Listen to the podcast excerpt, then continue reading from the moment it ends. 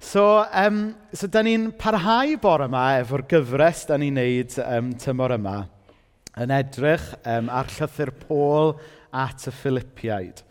Um, da ni wedi cyrraedd rhyw hanner ffordd trwy penod 2, so mae'r darlleniad bore yma yw Philippiaid 2 adnod 12 i 18, a dylen nhw fod ar y sgrin i chi. Felly, ffrindiau anwyl – Fel roeddech chi'n ifedd pan oeddwn i acw gyda chi, mae'n bwysicach fyth eich bod chi'n ifedd pan dwi'n absennol. Gyda pharch y defosiwn i ddew, daliwch ati i weithio ar eich iechyd ysbrydol fel cymuned. Mae Dyw ar waith yn eich bywydau chi, yn creu'r awydd yno chi ac yn eich galluogi chi i wneud beth sy'n ei blesio fe. Gwnewch bopeth heb gwyno a heb ffrio, er mwyn i chi dyfu fel plant i ddew, yn byw bywydau glân a difau, yng nghanol cymdeithas o bobl droedig ac ystyfnig. Byddwch fel ser yn disgleirio yn yr awyr, wrth i chi rannu'r neges am y bywyd newydd gydag eraill. Wedyn, pan ddaw y Meseia yn ôl, byddai'n gallu bod yn falch ohonoch chi. Byddai'n gwybod Na fi oedd yr holl redeg a'r gwaith caled yn wastraff amser. Mae'n bosib iawn y byddai'n marw fel merthyr am gwaed i'n cael ei dywall fel diod offrwm ar aberth y gwasanaeth ffyddlon dych chi'n ei gyflwyno i ddew. Os mae dyna sydd i ddigwydd, dwi'n hapus am rannu fy llawenydd gyda chi. A dylech chithau hefyd fod yn hapus i mi gael rhannu eich llawenydd chi. Wel, fel o'n i'n dweud, da ni'n ail-afel bore yma yn y gyfres yma yn mynd trwy llythyr Pôl at y Philippiaid. A tro diwetha o'n i'n edrych ar Philippiaid, oedd Hanna yn pregethu, a nath i bregethu ar y darn cyfoethog yna sy'n dod jyst cyn y darn sy'n gyda ni heddiw, sy'n sôn am fawredd a gostyneiddrwydd Iesu Grist. Y darn yna sy'n sôn am y wyrth mewn ffordd fod Dyw, er bod e'n ddew mawr ac yn frenin anhygoel, bod e wedi bod yn fodlon dod mewn i'r byd fel dyn i'n gwasanaethu ni. Y gwirth yr ymgnawdoliad mewn ffordd. Y foment yna, pan oedd holl bwerau'r byd, um, y pwerau crefyddol, y pwerau gwleidyddol, a ni'n gwybod digon amdano nhw dyddiau yma, oedden nhw'n meddwl, reit, da ni'n gallu rhoi stop ar y chwildro Iesu yma wrth groes hoelio fe ar y groes. Ond mewn gwirionedd, dyna oedd y fuddugoliaeth mwyaf. Dyna nath danio y chwildro, nid dod â'r chwildro i ben. Ac oherwydd mae'r wolaeth Iesu a'i atgyfodiadau, mae Philippiaid um, 2 peno, a adnod 9 yn dweud, felly dyma Dyw, Dyw y Tad, yn ei ddyrchafu i'r safle uchaf a rhoi'r enw pwysica un iddo. So dyna oedd y darn wnaethon ni edrych arno tro diwetha pan oedd Hana yn siarad. Yr, y darn yma sydd jyst yn cyflwyno Iesu yn ei fawredd, ond hefyd yn ei ostyneidrwydd, yn cyhoeddi bod Iesu wedi ennill y fuddugoliaeth trwy i ostyneiddrwydd a'i farwolaeth ar y groes. So mae'r darn sydd gyda ni heddiw yn yn digwydd yng ngoleuni be oedd Paul yn dweud yn yr adnodau blaenorol. Mae e'n mynd mlaen i drafod, wel, os ydyn ni wedi gweld Iesu am bwy yw e, sut felly y dylen ni fyw yng ngoleuni y gwirionedd yma? Achos y peth am yr yfengil grisnogol yw, mae e yn wirionedd i'w gredu ydy ond mae e hefyd yn wirionedd dyle yn newid ni. So, um, dyna sy'n gan Paul i'r Philippiaid yn yr adnodau sydd gyda ni heddiw, a dyma da ni'n mynd i edrych arno fe. So mae Paul yn dechrau gyda galwad i'r Philippiaid gymryd cyfrifoldeb dros i sefyllfa nhw. A cyn i ni fynd yn bellach, dwi eisiau aros ar y pwynt yna. Pwynt ynglyn â cymryd cyfrifoldeb dros yn bywydau ni. Nawr, ry'n ni'n byw mewn oes, yn dydyn, lle mae llawer o bobl yn amharod ddim eisiau cymryd cyfrifoldeb dros i sefyllfa nhw. Mae pobl yn gynyddol yn, yn chwilio i, i roed, i symud cyfrifoldeb, neu roed y bai ar rhywun neu rhywbeth arall.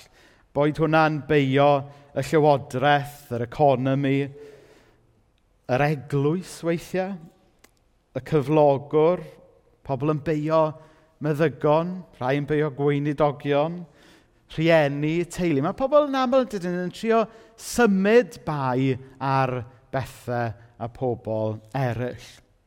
Felly bod chi'n cofio blynyddoedd yn ôl pan oedd Tom, da chi'n cofio Tom yn rhannu i dystiolaeth.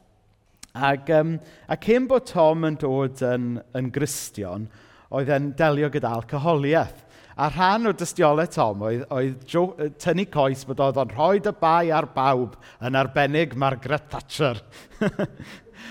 Ond ddath ei weld bod rhaid fe gymryd cyrfoldeb dros i sefyllfa a rhoed i fywyd i Iesu. Oedd e ddim yn gallu beio Margaret Thatcher am beth. Ond, um, ond da ni'n byw mewn rhyw oes fel yna, lle da ni'n chwilio i, i symud bai i bethau ac i bobl eraill.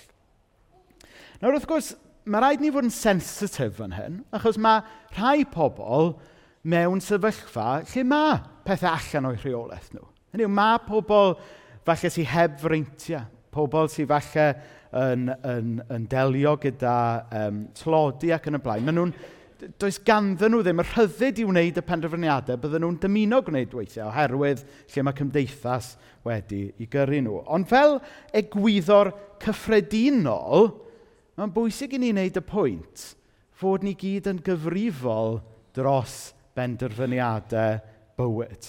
Ac er wrth gwrs bod yna ffactorau gwahanol yn dylanwadu ar fywydau pawb a bod ni'n sensitif i hynny, yn y diwedd mae pawb yn rhydd i wneud penderfyniadau. A dyna sydd gyda Paul fan hyn. Mae'n rhoi siars, mae'n rhoi her i'r Philippiad i gymryd cyfrifoldeb dros sut maen nhw'n byw bywyd yng ngoleuni i ffydd nhw yn Iesu.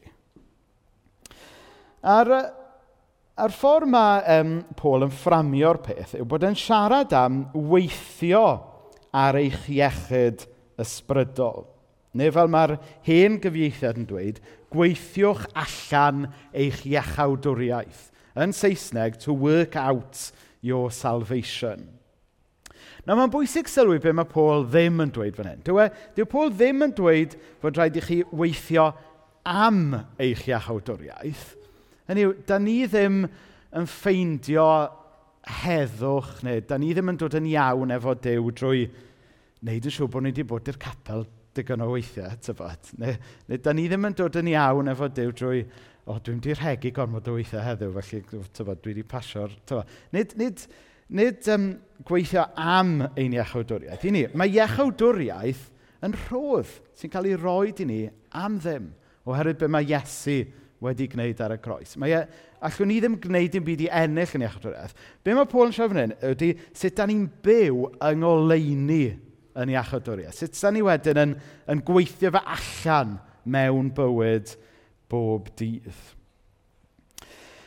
Um, iechyd Dwi'n licio mewn ffordd sy'n mae Beibl.net wedi cyfieithu iechawdwriaeth yn y cyd-destun yma, sef bod angen ni weithio ar yn iechyd ysbrydol. Um, Ac ffordd arall o, o ddeall iechawdwriaeth yw fod, fod Iesu wedi rhoi rhyddid i ni. Okay? Mae wedi rhoi rhyddid i ni. A'r peth am rhyddid yw, it can go either way, ynddo fe? Da ni'n gallu defnyddio rhyddid ar daioni, neu da ni'n gallu defnyddio rhyddid fel pen rhyddid a wneud smonach o bethau. Mae cael yn achub gan Iesu yn yn rhyddhau ni. Mae e'n rhyddhau ni o eogrwydd, mae e'n rhyddhau ni o gaethiwed, mae'n rhyddhau ni o ofn, mae hyd yn oed yn rhyddhau ni o ofn marwolaeth. Mae, mae Iesu'n rhyddhau ni i adnabod Dyw, i garu eraill, i fod yn bobl heddwch, fel sydd wedi cael ei weddio bore yma. Ond, y peth am rhyddid yw bod e'n dod efo cyfrifoldeb. Dwedodd y, y meddyliwr a'r awdur George Bernard Shaw, Liberty means responsibility. Gyda rhyddid y daw cyfrifoldeb. A dyna i ryw raddau pan bod lot o bobl yn ofn rhyddid. Dyn nhw ddim yn trystio eu hunain. Dyn nhw ddim yn gwybod beth maen nhw'n mynd i wneud efo'r rhyddid. A dyna fel o'n i'n dweud sut mae rhyddid weithiau'n cael ei gam ddefnyddio. Dyw e ddim yn, um, dyw e ddim yn synwyr po lot o students yn mynd off o rails. Achos dyna pryd maen nhw'n cael rhyddid am y tro cyntaf mae Sean yn chwerthin fyna. Gyda rhyddid, mae cyfrifoldeb yn dod. A'r mwyaf o ryddid mae rhywun yn cael, y mwyaf o gyfrifoldeb sydd gyda chi. Ac os ydy ni felly'n credu fod ni fel Cresnogion yn bobl rhydd, yn bobl sy'n byw bywyd o ryddid yn Iesu, yna ie, dylen ni wrth gwrs fod yn bobl sy'n cael ei nodweddu gan yn bod ni yn llawen oherwydd yn ffydd, Ond dylen ni hefyd fod yn bobl serious, tyfod? Um, dylen ni fod yn bobl sy'n cymryd pethau o ddifri. Dylen ni fod yn bobl, o ddefnyddio gair hyn ffasiwn, dylwn ni fod yn bobl sylweddol. Oherwydd y rhyddid mae Iesu wedi roi ni, dylwn ni fod yn bobl sy'n cymryd pethau yn serious. Dylwn ni fod yn bobl sydd uh, yn cymryd cyrifoldeb dros yn bywyd a'r sefyllfaoedd da ni'n ffindo'n hunan ynddo fe. Gweithio allan ein rhyddid. Mae'n wahanol i weithio dros ein rhyddid, Iesu sydd wedi rhoi rhyddid i ni, ond da ni yn cael yn galw i weithio fe allan. Wel, be mae hwnna'n golygu? I weithio allan yn iachawdwriaeth. gweithio allan yn rhyddid. Wel, meddyliwch am y peth fel, dychmygwch nawr bod chi'n um, cael cerdyn aelodaeth i'r National Trust. Falle yn anreg nadolig, dwedwch chi. Mae hwnna'n hwnna swish, di? Mae hwnna'n anreg neis i gael. Um, oes unrhyw un fan hyn yn aelod o'r National Trust? O, oh, lot, yna ni. Da chi'n bobl barchus iawn, os gael ddeud. so, dwedwch na bod chi, a for illustration purposes, mae'n bwysig mae wedi cael yr, hwn fel anreg ydych chi. okay, da chi wedi cael cerdyn National Trust fel anrheg, anrheg nadolig, dwedwch. Ac, ond y pwynt yw, mae gyda chi wedyn, tybod, dim yw jyst cael e yn anreg, cadw yn y dror, a dim wneud yn byd efo fo wedyn.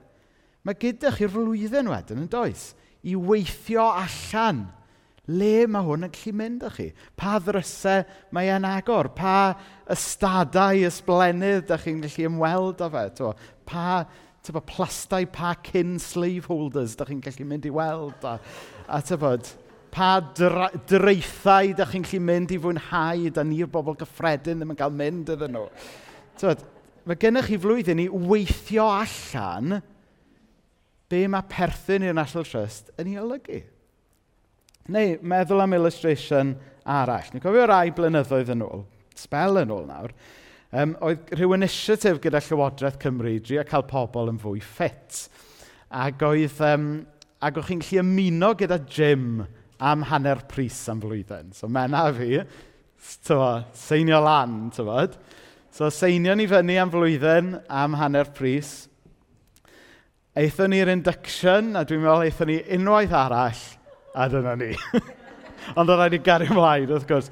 Oedden ni'n ni aelod am y flwyddyn, da? Ond oedden ni ddim wedi gweithio allan yn llythrenol. oedden ni ddim wedi wneud unrhyw workout. Oedden ni ddim wedi gweithio allan. Beth oedd e wir i fod yn aelod o'r gym. A rhyw rhywbeth fel hyn mae Paul yn siarad amdano fan hyn. Yn y bit oedd Hannah'n edrych arno, um, pethefnos yn ôl, mae'r gwirionedd yna bod chi yn bobl newydd oherwydd beth mae Iesu wedi wneud ar y groes. Iesu sydd wedi prynu'r rhyddid i ni. Mae e'n rodd. Ond eto mae yna gyfroldeb yn ni weithio fe allan yn does. Gweithio allan sut da ni nawr yn byw yn bywyd, yng ngoleini y gwirionedd yma ynglyn â Iesu. Mae ynglyn â ffeindio galwa dew i ni mewn bywyd ar ôl i ni ddod i ffydd. A bydd yr alwad yna yn wahanol i bawb. Chi'n meddwl am be wedodd Pôl yn rhywle arall wrth yr effesiaid. Mae'n sôn am roddion, dyma'i roddion. Mae wedi penodi rhai i fod yn gynrycholwyr personol iddo, eraill i fod yn broffwydi, eraill yn rhai sy'n rhannu'r newyddion da, ac eraill yn fugeiliaid ac athrawon. So mae sôn fyna am, am roddion. Mewn, mewn llefydd eraill mae sôn am um, am... Beth yw'r llall nawr? Dim roddion. Yr, um, yr Corinthiaid hefyd. A, hynny, a, ag yn heilio'r ffyd, da ni'n gallu gweithio allan beth yw'n galwad ni. Sut da ni'n gallu gweithio allan yn iechawdwriaeth. A sy'n fformiwla i wneud hyn? Da ni gyd angen gweithio allan yn hunain mewn cymuned gyda'n gilydd. Does dim, does dim un ffordd o wneud e. Mae'n mynd i edrych bach yn wahanol i bawb, achos bod Dyw yn rhoi galwad unigryw ar fywyd pob Cristion. Ond da ni'n gallu annog yn gilydd ynddo fe. Nawr, nid ar chwarae bach ac yn ysgafn i ni fod gweithio allan yn rhyddid a ni allawdwriaeth. Os mae Paul yn sôn um, wrth y Philippiad fan hyn, bod ni fod wneud e gyda parch a defosiwn. Yn Saesneg, with fear and trembling. So dwi e ddim yn rhywbeth fel ffwrdd â hi. Mae'n rhywbeth da ni fod cymryd yn serious.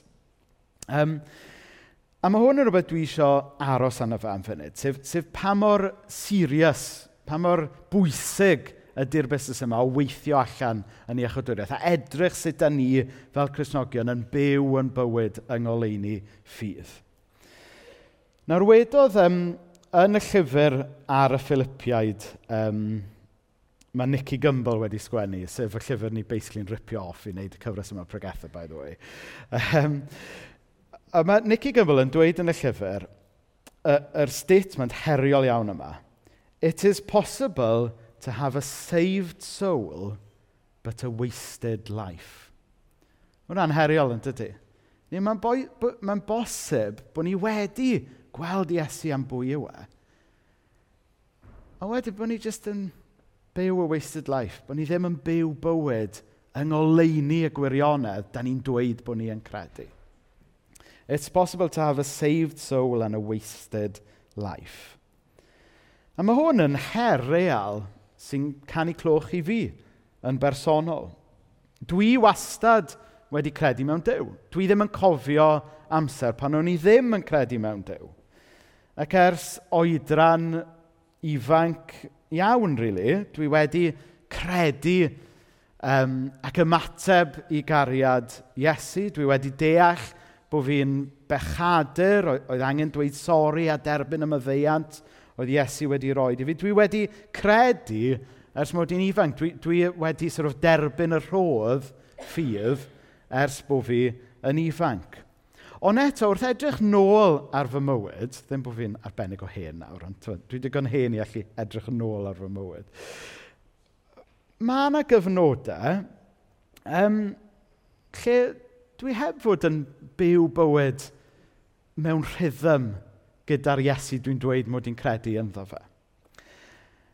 A, a mae hyn yn wir am gyfnod diweddar yn fy mywyd. Fel ych chi'n gwybod, um, eis i yn sal yn ddiweddar. Geis i burnout. Ac, um, ac un o'r pethau oedd tu ôl hynna oedd mod i'n byw bywyd, oedd sort of allan o rhythm gyda heddwch Iesu. Oedd e ddim yn golygu bod fi'n, fel ddim, bod fi'n llai saf. Ond oedd e'n golygu bod fi ddim yn gweithio allan fy iachawdwriaeth yn y ffordd gorau posib. O'n i allan o rhythm efo Iesu. Nawr, byddwch chi'n falch o glywed bod na, tybo, o'n i ddim ddim yn off y rails. Does na ddim fel scandal mawr am eich gweinidog ar fi'n torri allan. Dwi'n dwi berson rhy boring i hynny. Ond oedd na rhywbeth jyst ddim cweith yn iawn, chybod. Chybod fel chi'n... I chi'n um, pan mae yna fel dau offeryn yn chwarae, maen nhw fel slightly out of tune. Maen nhw kind of dal yn chwarae'r un gan, ond dwi ddim cweit mewn rhythm a tiwn efo'i gilydd. Nes i gael yn hun i'r lle yna am wahanol rhesymau. A falle bod chi, stori pawb yn wahanol, falle bod chi'n gallu meddwl am gyfnod yn eich bywyd. Falle bod rhywun yn y lle yna nawr. Lle da chi yn credu yn Iesu. Da chi'n gwybod bod chi'n saff yn ei gariad e. Ond falle bod eich bywyd chi, falle ddim cweit mewn rhythm, gyda rhythm mae Iesu isio ar gyfer eich bywyd chi. Falle bod yn arwyn with a saved soul but living a wasted life. Nhw'n geiriau pwerus gan Nicky Gumbel, yn dydw? Geiriau sy'n ymddangos yn hash falle. Ond mae'n rhywbeth dyle pob Cristion wylio rhagddo fe, yn dydy? Bo ni'n cymryd cariad a gras Dyw mor ganiataol nes bod ni'n meddwl bod ni wedyn yn gallu byw bywyd sydd bynnag ffordd da ni isio.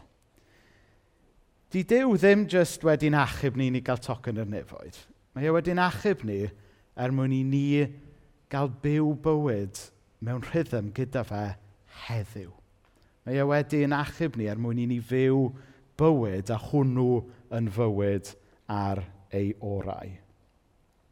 Mae wedi'n achub ni i fwynhau rhyddid o fyw yn ôl rhythm i deyrnas e.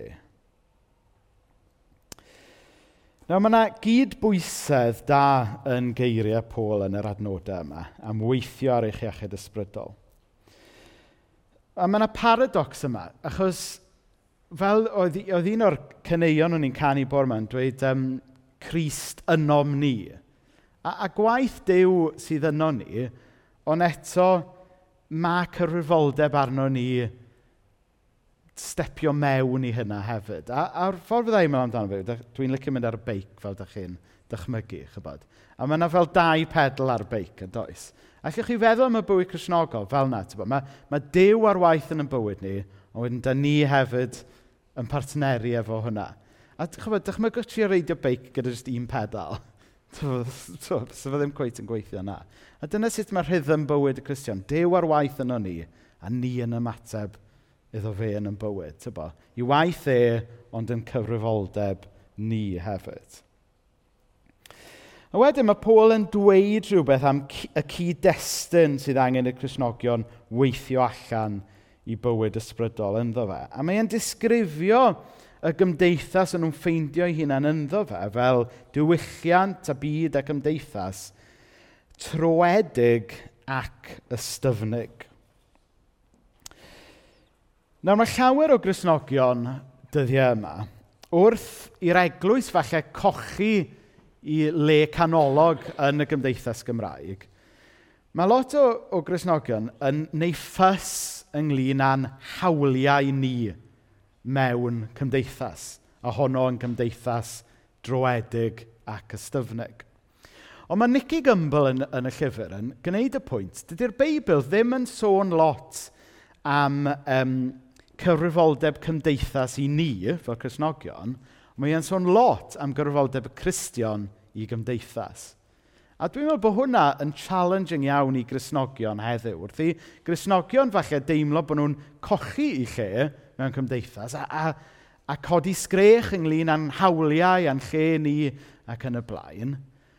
Wel, yn lle ni ydy gwasanaethu cymdeithas. Yn lle ni ydy chwilio sut y gallwn ni ddangos cariad Iesu yn real mewn cymdeithas, hyd yn oed pan mae cymdeithas falle weithiau yn ymddangos fel bod e'n troi yn erbyn rhai o werthoedd teirnos ddew.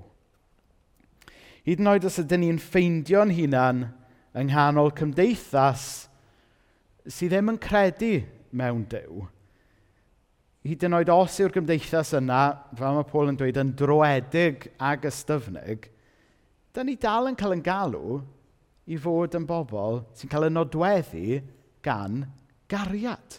Da ni dal yn cael ein galw i fod yn bobl sy'n cael ei nodweddu gan ras. Nid i fod yn bobl sy'n cael ei nodweddu fel pobl sydd yn erbyn pethau trwy'r amser. Nid cael ei nodweddu fel killjoys.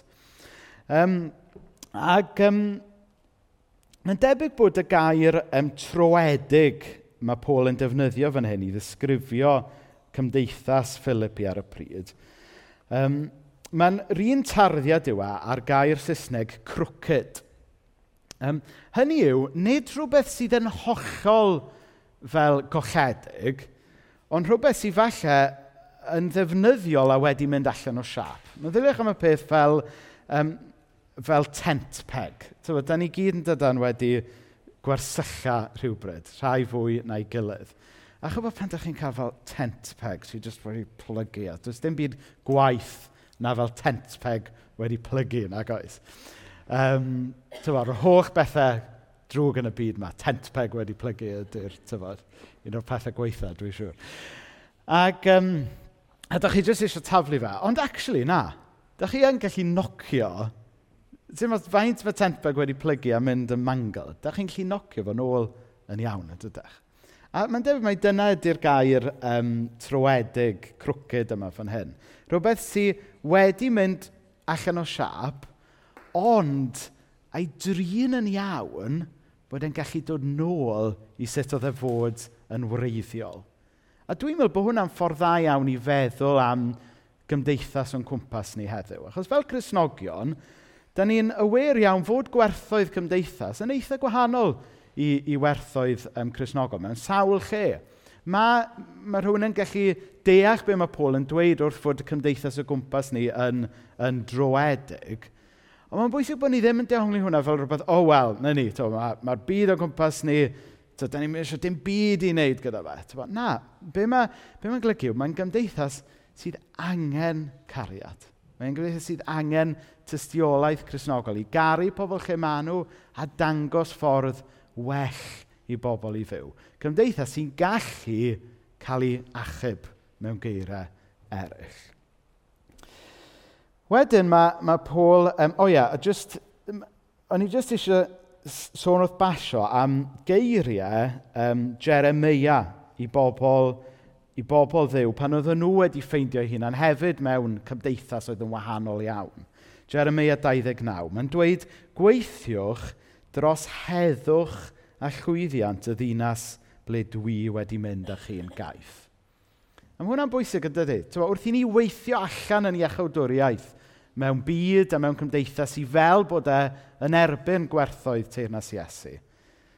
I ni beidio mewn bod ni mewn rhyfel gyda cymdeithas yn cwmpas ni, ond hytrach ni gael posture o weithio dros heddwch a llwyddiant cymdeithas sydd o'n cwmpas ni. Yn y pwynt ola bore yma, mae, mae Paul yn sôn bod ni fod byw allan yn ffydd um, o fewn cymuned yr eglwys hefyd. Bod yn rhywbeth da ni fod wneud gyda'n gilydd. Mae Paul yn, yn cyffwr fan hyn. Mae'n gobeithio bod wrth iddo fe to, fyw allan i ffydd bod yn ysbrydoliaeth ac yn llawenydd iddyn nhw, y Philippiaid, a bod y ffaith mae nhw yn byw allan i ffydd yn llawenydd iddo fe. A mae e'n defnyddio dau metafor i ddisgrifio fe. Mae e'n sôn am uh, sort of y, y metafor rhedeg y ras yma, um, fel athletwr, Mae'n sôn hefyd am y metafor o gwaed yn cael ei dywallt fel diod offrwm. So fel dau metafor sy'n golygu ymdrech, dau metafor sy'n golygu aberth. So ddim ar chwarae bach i ni wneud hyn. So jyst eisiau gorffen fel hyn. Do'n nôl at y cwestiwn gwreiddiol. Yng ngoleini y gwirionedd bod Iesu wedi'n caru ni, bod Iesu wedi'n prynu ni, Sut dyn ni felly fod i fyw? So jyst i ddechrau, mae'n ma bwysig bod ni ddim yn rhoi'r gert o flaen y ceffyl. Mae'n mae, amhosib byw y bywyd chrysnogol heb y gyntaf cyflwyno'ch hunan i Iesu Grist. Um, Ych bod... um, ti'n meddwl am, fel y gart o flaen y ceffil cyn roed Crist yn cyfrwy y ceffil, ti'n Ma, mae'n, allwn ni ddim, os da ni'n mynd i trio byw o bywyd Cresnogol, heb yn gyntaf i ni, i ni gael yn chorio gan hoch gariad Christ i ni, byddwn ni'n methu achos byddwn ni'n trio wneud a'n nerth ni yn hunain. Ond ar ôl i ni weld Iesu yn bwy yw e, ar ôl ni gredu yn Iesu, da ni yn cael yn galw i weithio ar yn iechyd ysbrydol.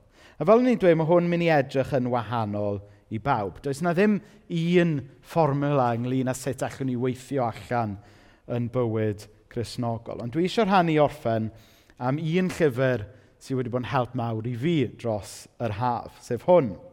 The Ruthless Elimination of Hurry gan John Mark Comer. Oes unrhyw un arall wedi darllen hwn? Chydig o, chydig o fans yma. Nawr, basically, thesis y llyfr yma yw, mae nid um, nid seciwlariaeth, nid anffyddiaeth, nid culture wars ac yn y blaen, ydy prif, um, prif rwyster i bobl profi dew a bywyd ysbrydol heddiw. Ond y prif elen yw prysurdeb. Bo ni'n byw mewn byd sy'n mor brysur a mor swngchyd fod pobl ddim yn gallu ffeindio'r heddwch a'r tawelwch yna sydd angen i gyfarfod Dyw. A bod hwnna wir am bawb, ond bod y hefyd yn gallu bod yn wir amdano ni fel Cresnogion. A dwi wedi dod i weld, dwi'n meddwl dros y misoedd diwetha, oedd e, oedd e, a mae e'n parhau i ryw raddau fod yn wir amdana i. Er bod fi yn professional Christian, dwi'n weinidog, dwi'n cael yr halu i ddod i'r capel. Ond hyd yn oed, bod fi, yn Christian ys bod fi'n ifanc a bod fi'n gweithio ar eglwys, o'n i yn fwy o was i brysurdeb nag i Grist, os dwi'n hollol onest. A mae'r llyfr yma wedi helpu fi weld hynna. Felly i fi, a mae, fel dwi'n dweud, mae pawb yn wahanol, ond i fi, un o'r ffyrdd dwi ar hyn o bryd a gobeithio'r dyfodol yn gweithio allan fy iechawdwriaeth, ydy sut mae weinio fy hun off prysurdeb y byd a dysgu byw bywyd fwy mewn rhythm sut mae Iesu wedi creu ni i fyw bywyd i ddechrau. So i fi, dwi'n gobeithio, a gewch chi dal fi'n atebol dros y misoedd nesaf i weld sydd hwn wir, i fi, mae'n golygu falle gwneud llai, ond gwneud yr hyn dwi yn gwneud yn well. So, so i beidio mesur llwyddiant yn ôl faint o bethau da ni'n gwneud, ond actually wrth i ansawdd nhw cael sgyrsiau arafach ond dyfnach, llai o sŵn a mwy o wrando, ac i bregethwr, mae hwnna'n angen disgyblaeth i hynna. Llai o sgrolio hwn a mwy o ddarllen llyfrau. llai o edrych y sgrîns a mwy o edrych ar natur tyfod, i fi, mae hwnna jyst yn un lle dwi'n meddwl dwi angen gweithio allan fy iechydwriaeth. Er mwyn i fi diwnio mewn fwy i rhythm yr Iesu sydd wedi ngharu am hynny i, i fywyd gwell na mae'r byd yma yn gallu gynnig. Mae'n mynd i edrych yn wahanol i bawb. Ond mae Paul yn annog i Philippiad i weithio allan i echydwriaeth. A dyna yw'n anogaeth yng ngweddi i bob un ohono ni. Yw i bob un ohono ni weld sut y gallwn ni weithio allan yn iechydwriaeth a byw bywyd yng ngoleuni y Cris sydd wedi'n prynu ni. Ga eich gwahodd chi godi ar eich traed, a na i weddio drosto ni cyn bod y band yn dod nôl fyny. O ddew dad, dwi yn diolch i ti bod ti er yn ddew mawr a pwerus wedi gweld uh, ni yn yn llanast yn y byd yma wedi dod mewn i'r byd fel person yn Iesu Grist. A da ni'n diolch fod gostyneiddrwydd Iesu Grist wedi arwen yn y diwedd i'r groes. A bod ti wedi cymryd yn holl feie ni, wedi cymryd yn holl ofidiau ni, wedi cymryd holl dywyllwch y byd yma arno ti dy hun, a wedi delio gyda fe unwaith ac am byth o'r fath gariad ydy hynny. O'r fath gariad bod ti y diw perffaith wedi cymryd holl dywyllwch a drwgion i'r byd arno ti dy hun. Ond da ni'n diolch bod hwnna'n golygu fod heddwch yn bosib, fod rhyddid yn bosib. Felly o ddiw dad, helpa ni fel pobl ffydd i, i dderbyn rhodd yr ysbryd glân – ac i ti ddangos i ni sut y gallwn ni weithio allan yn iechawdwriaeth. Sut y gallwn ni weithio allan y rhyddid yma ti wedi rhoi i ni. Maddau i ni am gamddefnyddio rhyddid a dal byw yn ôl rhythm prysurdeb bywyd y byd. Maddau i ni o ddiw dad am, am fynd am y pleserau tymor byr beth bynnag yw rheina i bob un ohono ni a helpa ni yn hytrach i fuddsoddi yn y, y pethau wyt ti eisiau rhoi bywyd i ni trwyddyn nhw. Helpa ni fod yn bobl sydd falle yn gwneud llai, ond yn well. A helpa ni fel eglwys i ystyried be mae hwnna'n golygu. Helpa ni ffeindio amser i gael sgyrsiau Dofn yn hytrach na sgyrsiau arwynebol. Helpa ni siarad llai a gwrando mwy.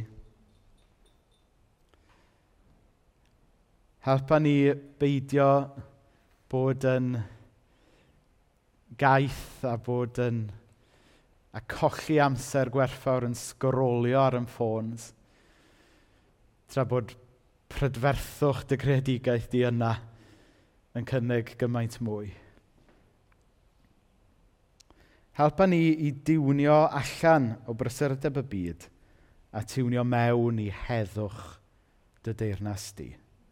Ac wrth i ni, fel pobl ffydd wneud hyn, helpa'r byd troedig ac ystyfnig o'n cwmpas ni weld fod yna rhywbeth gwerthfawr i gael o berthyn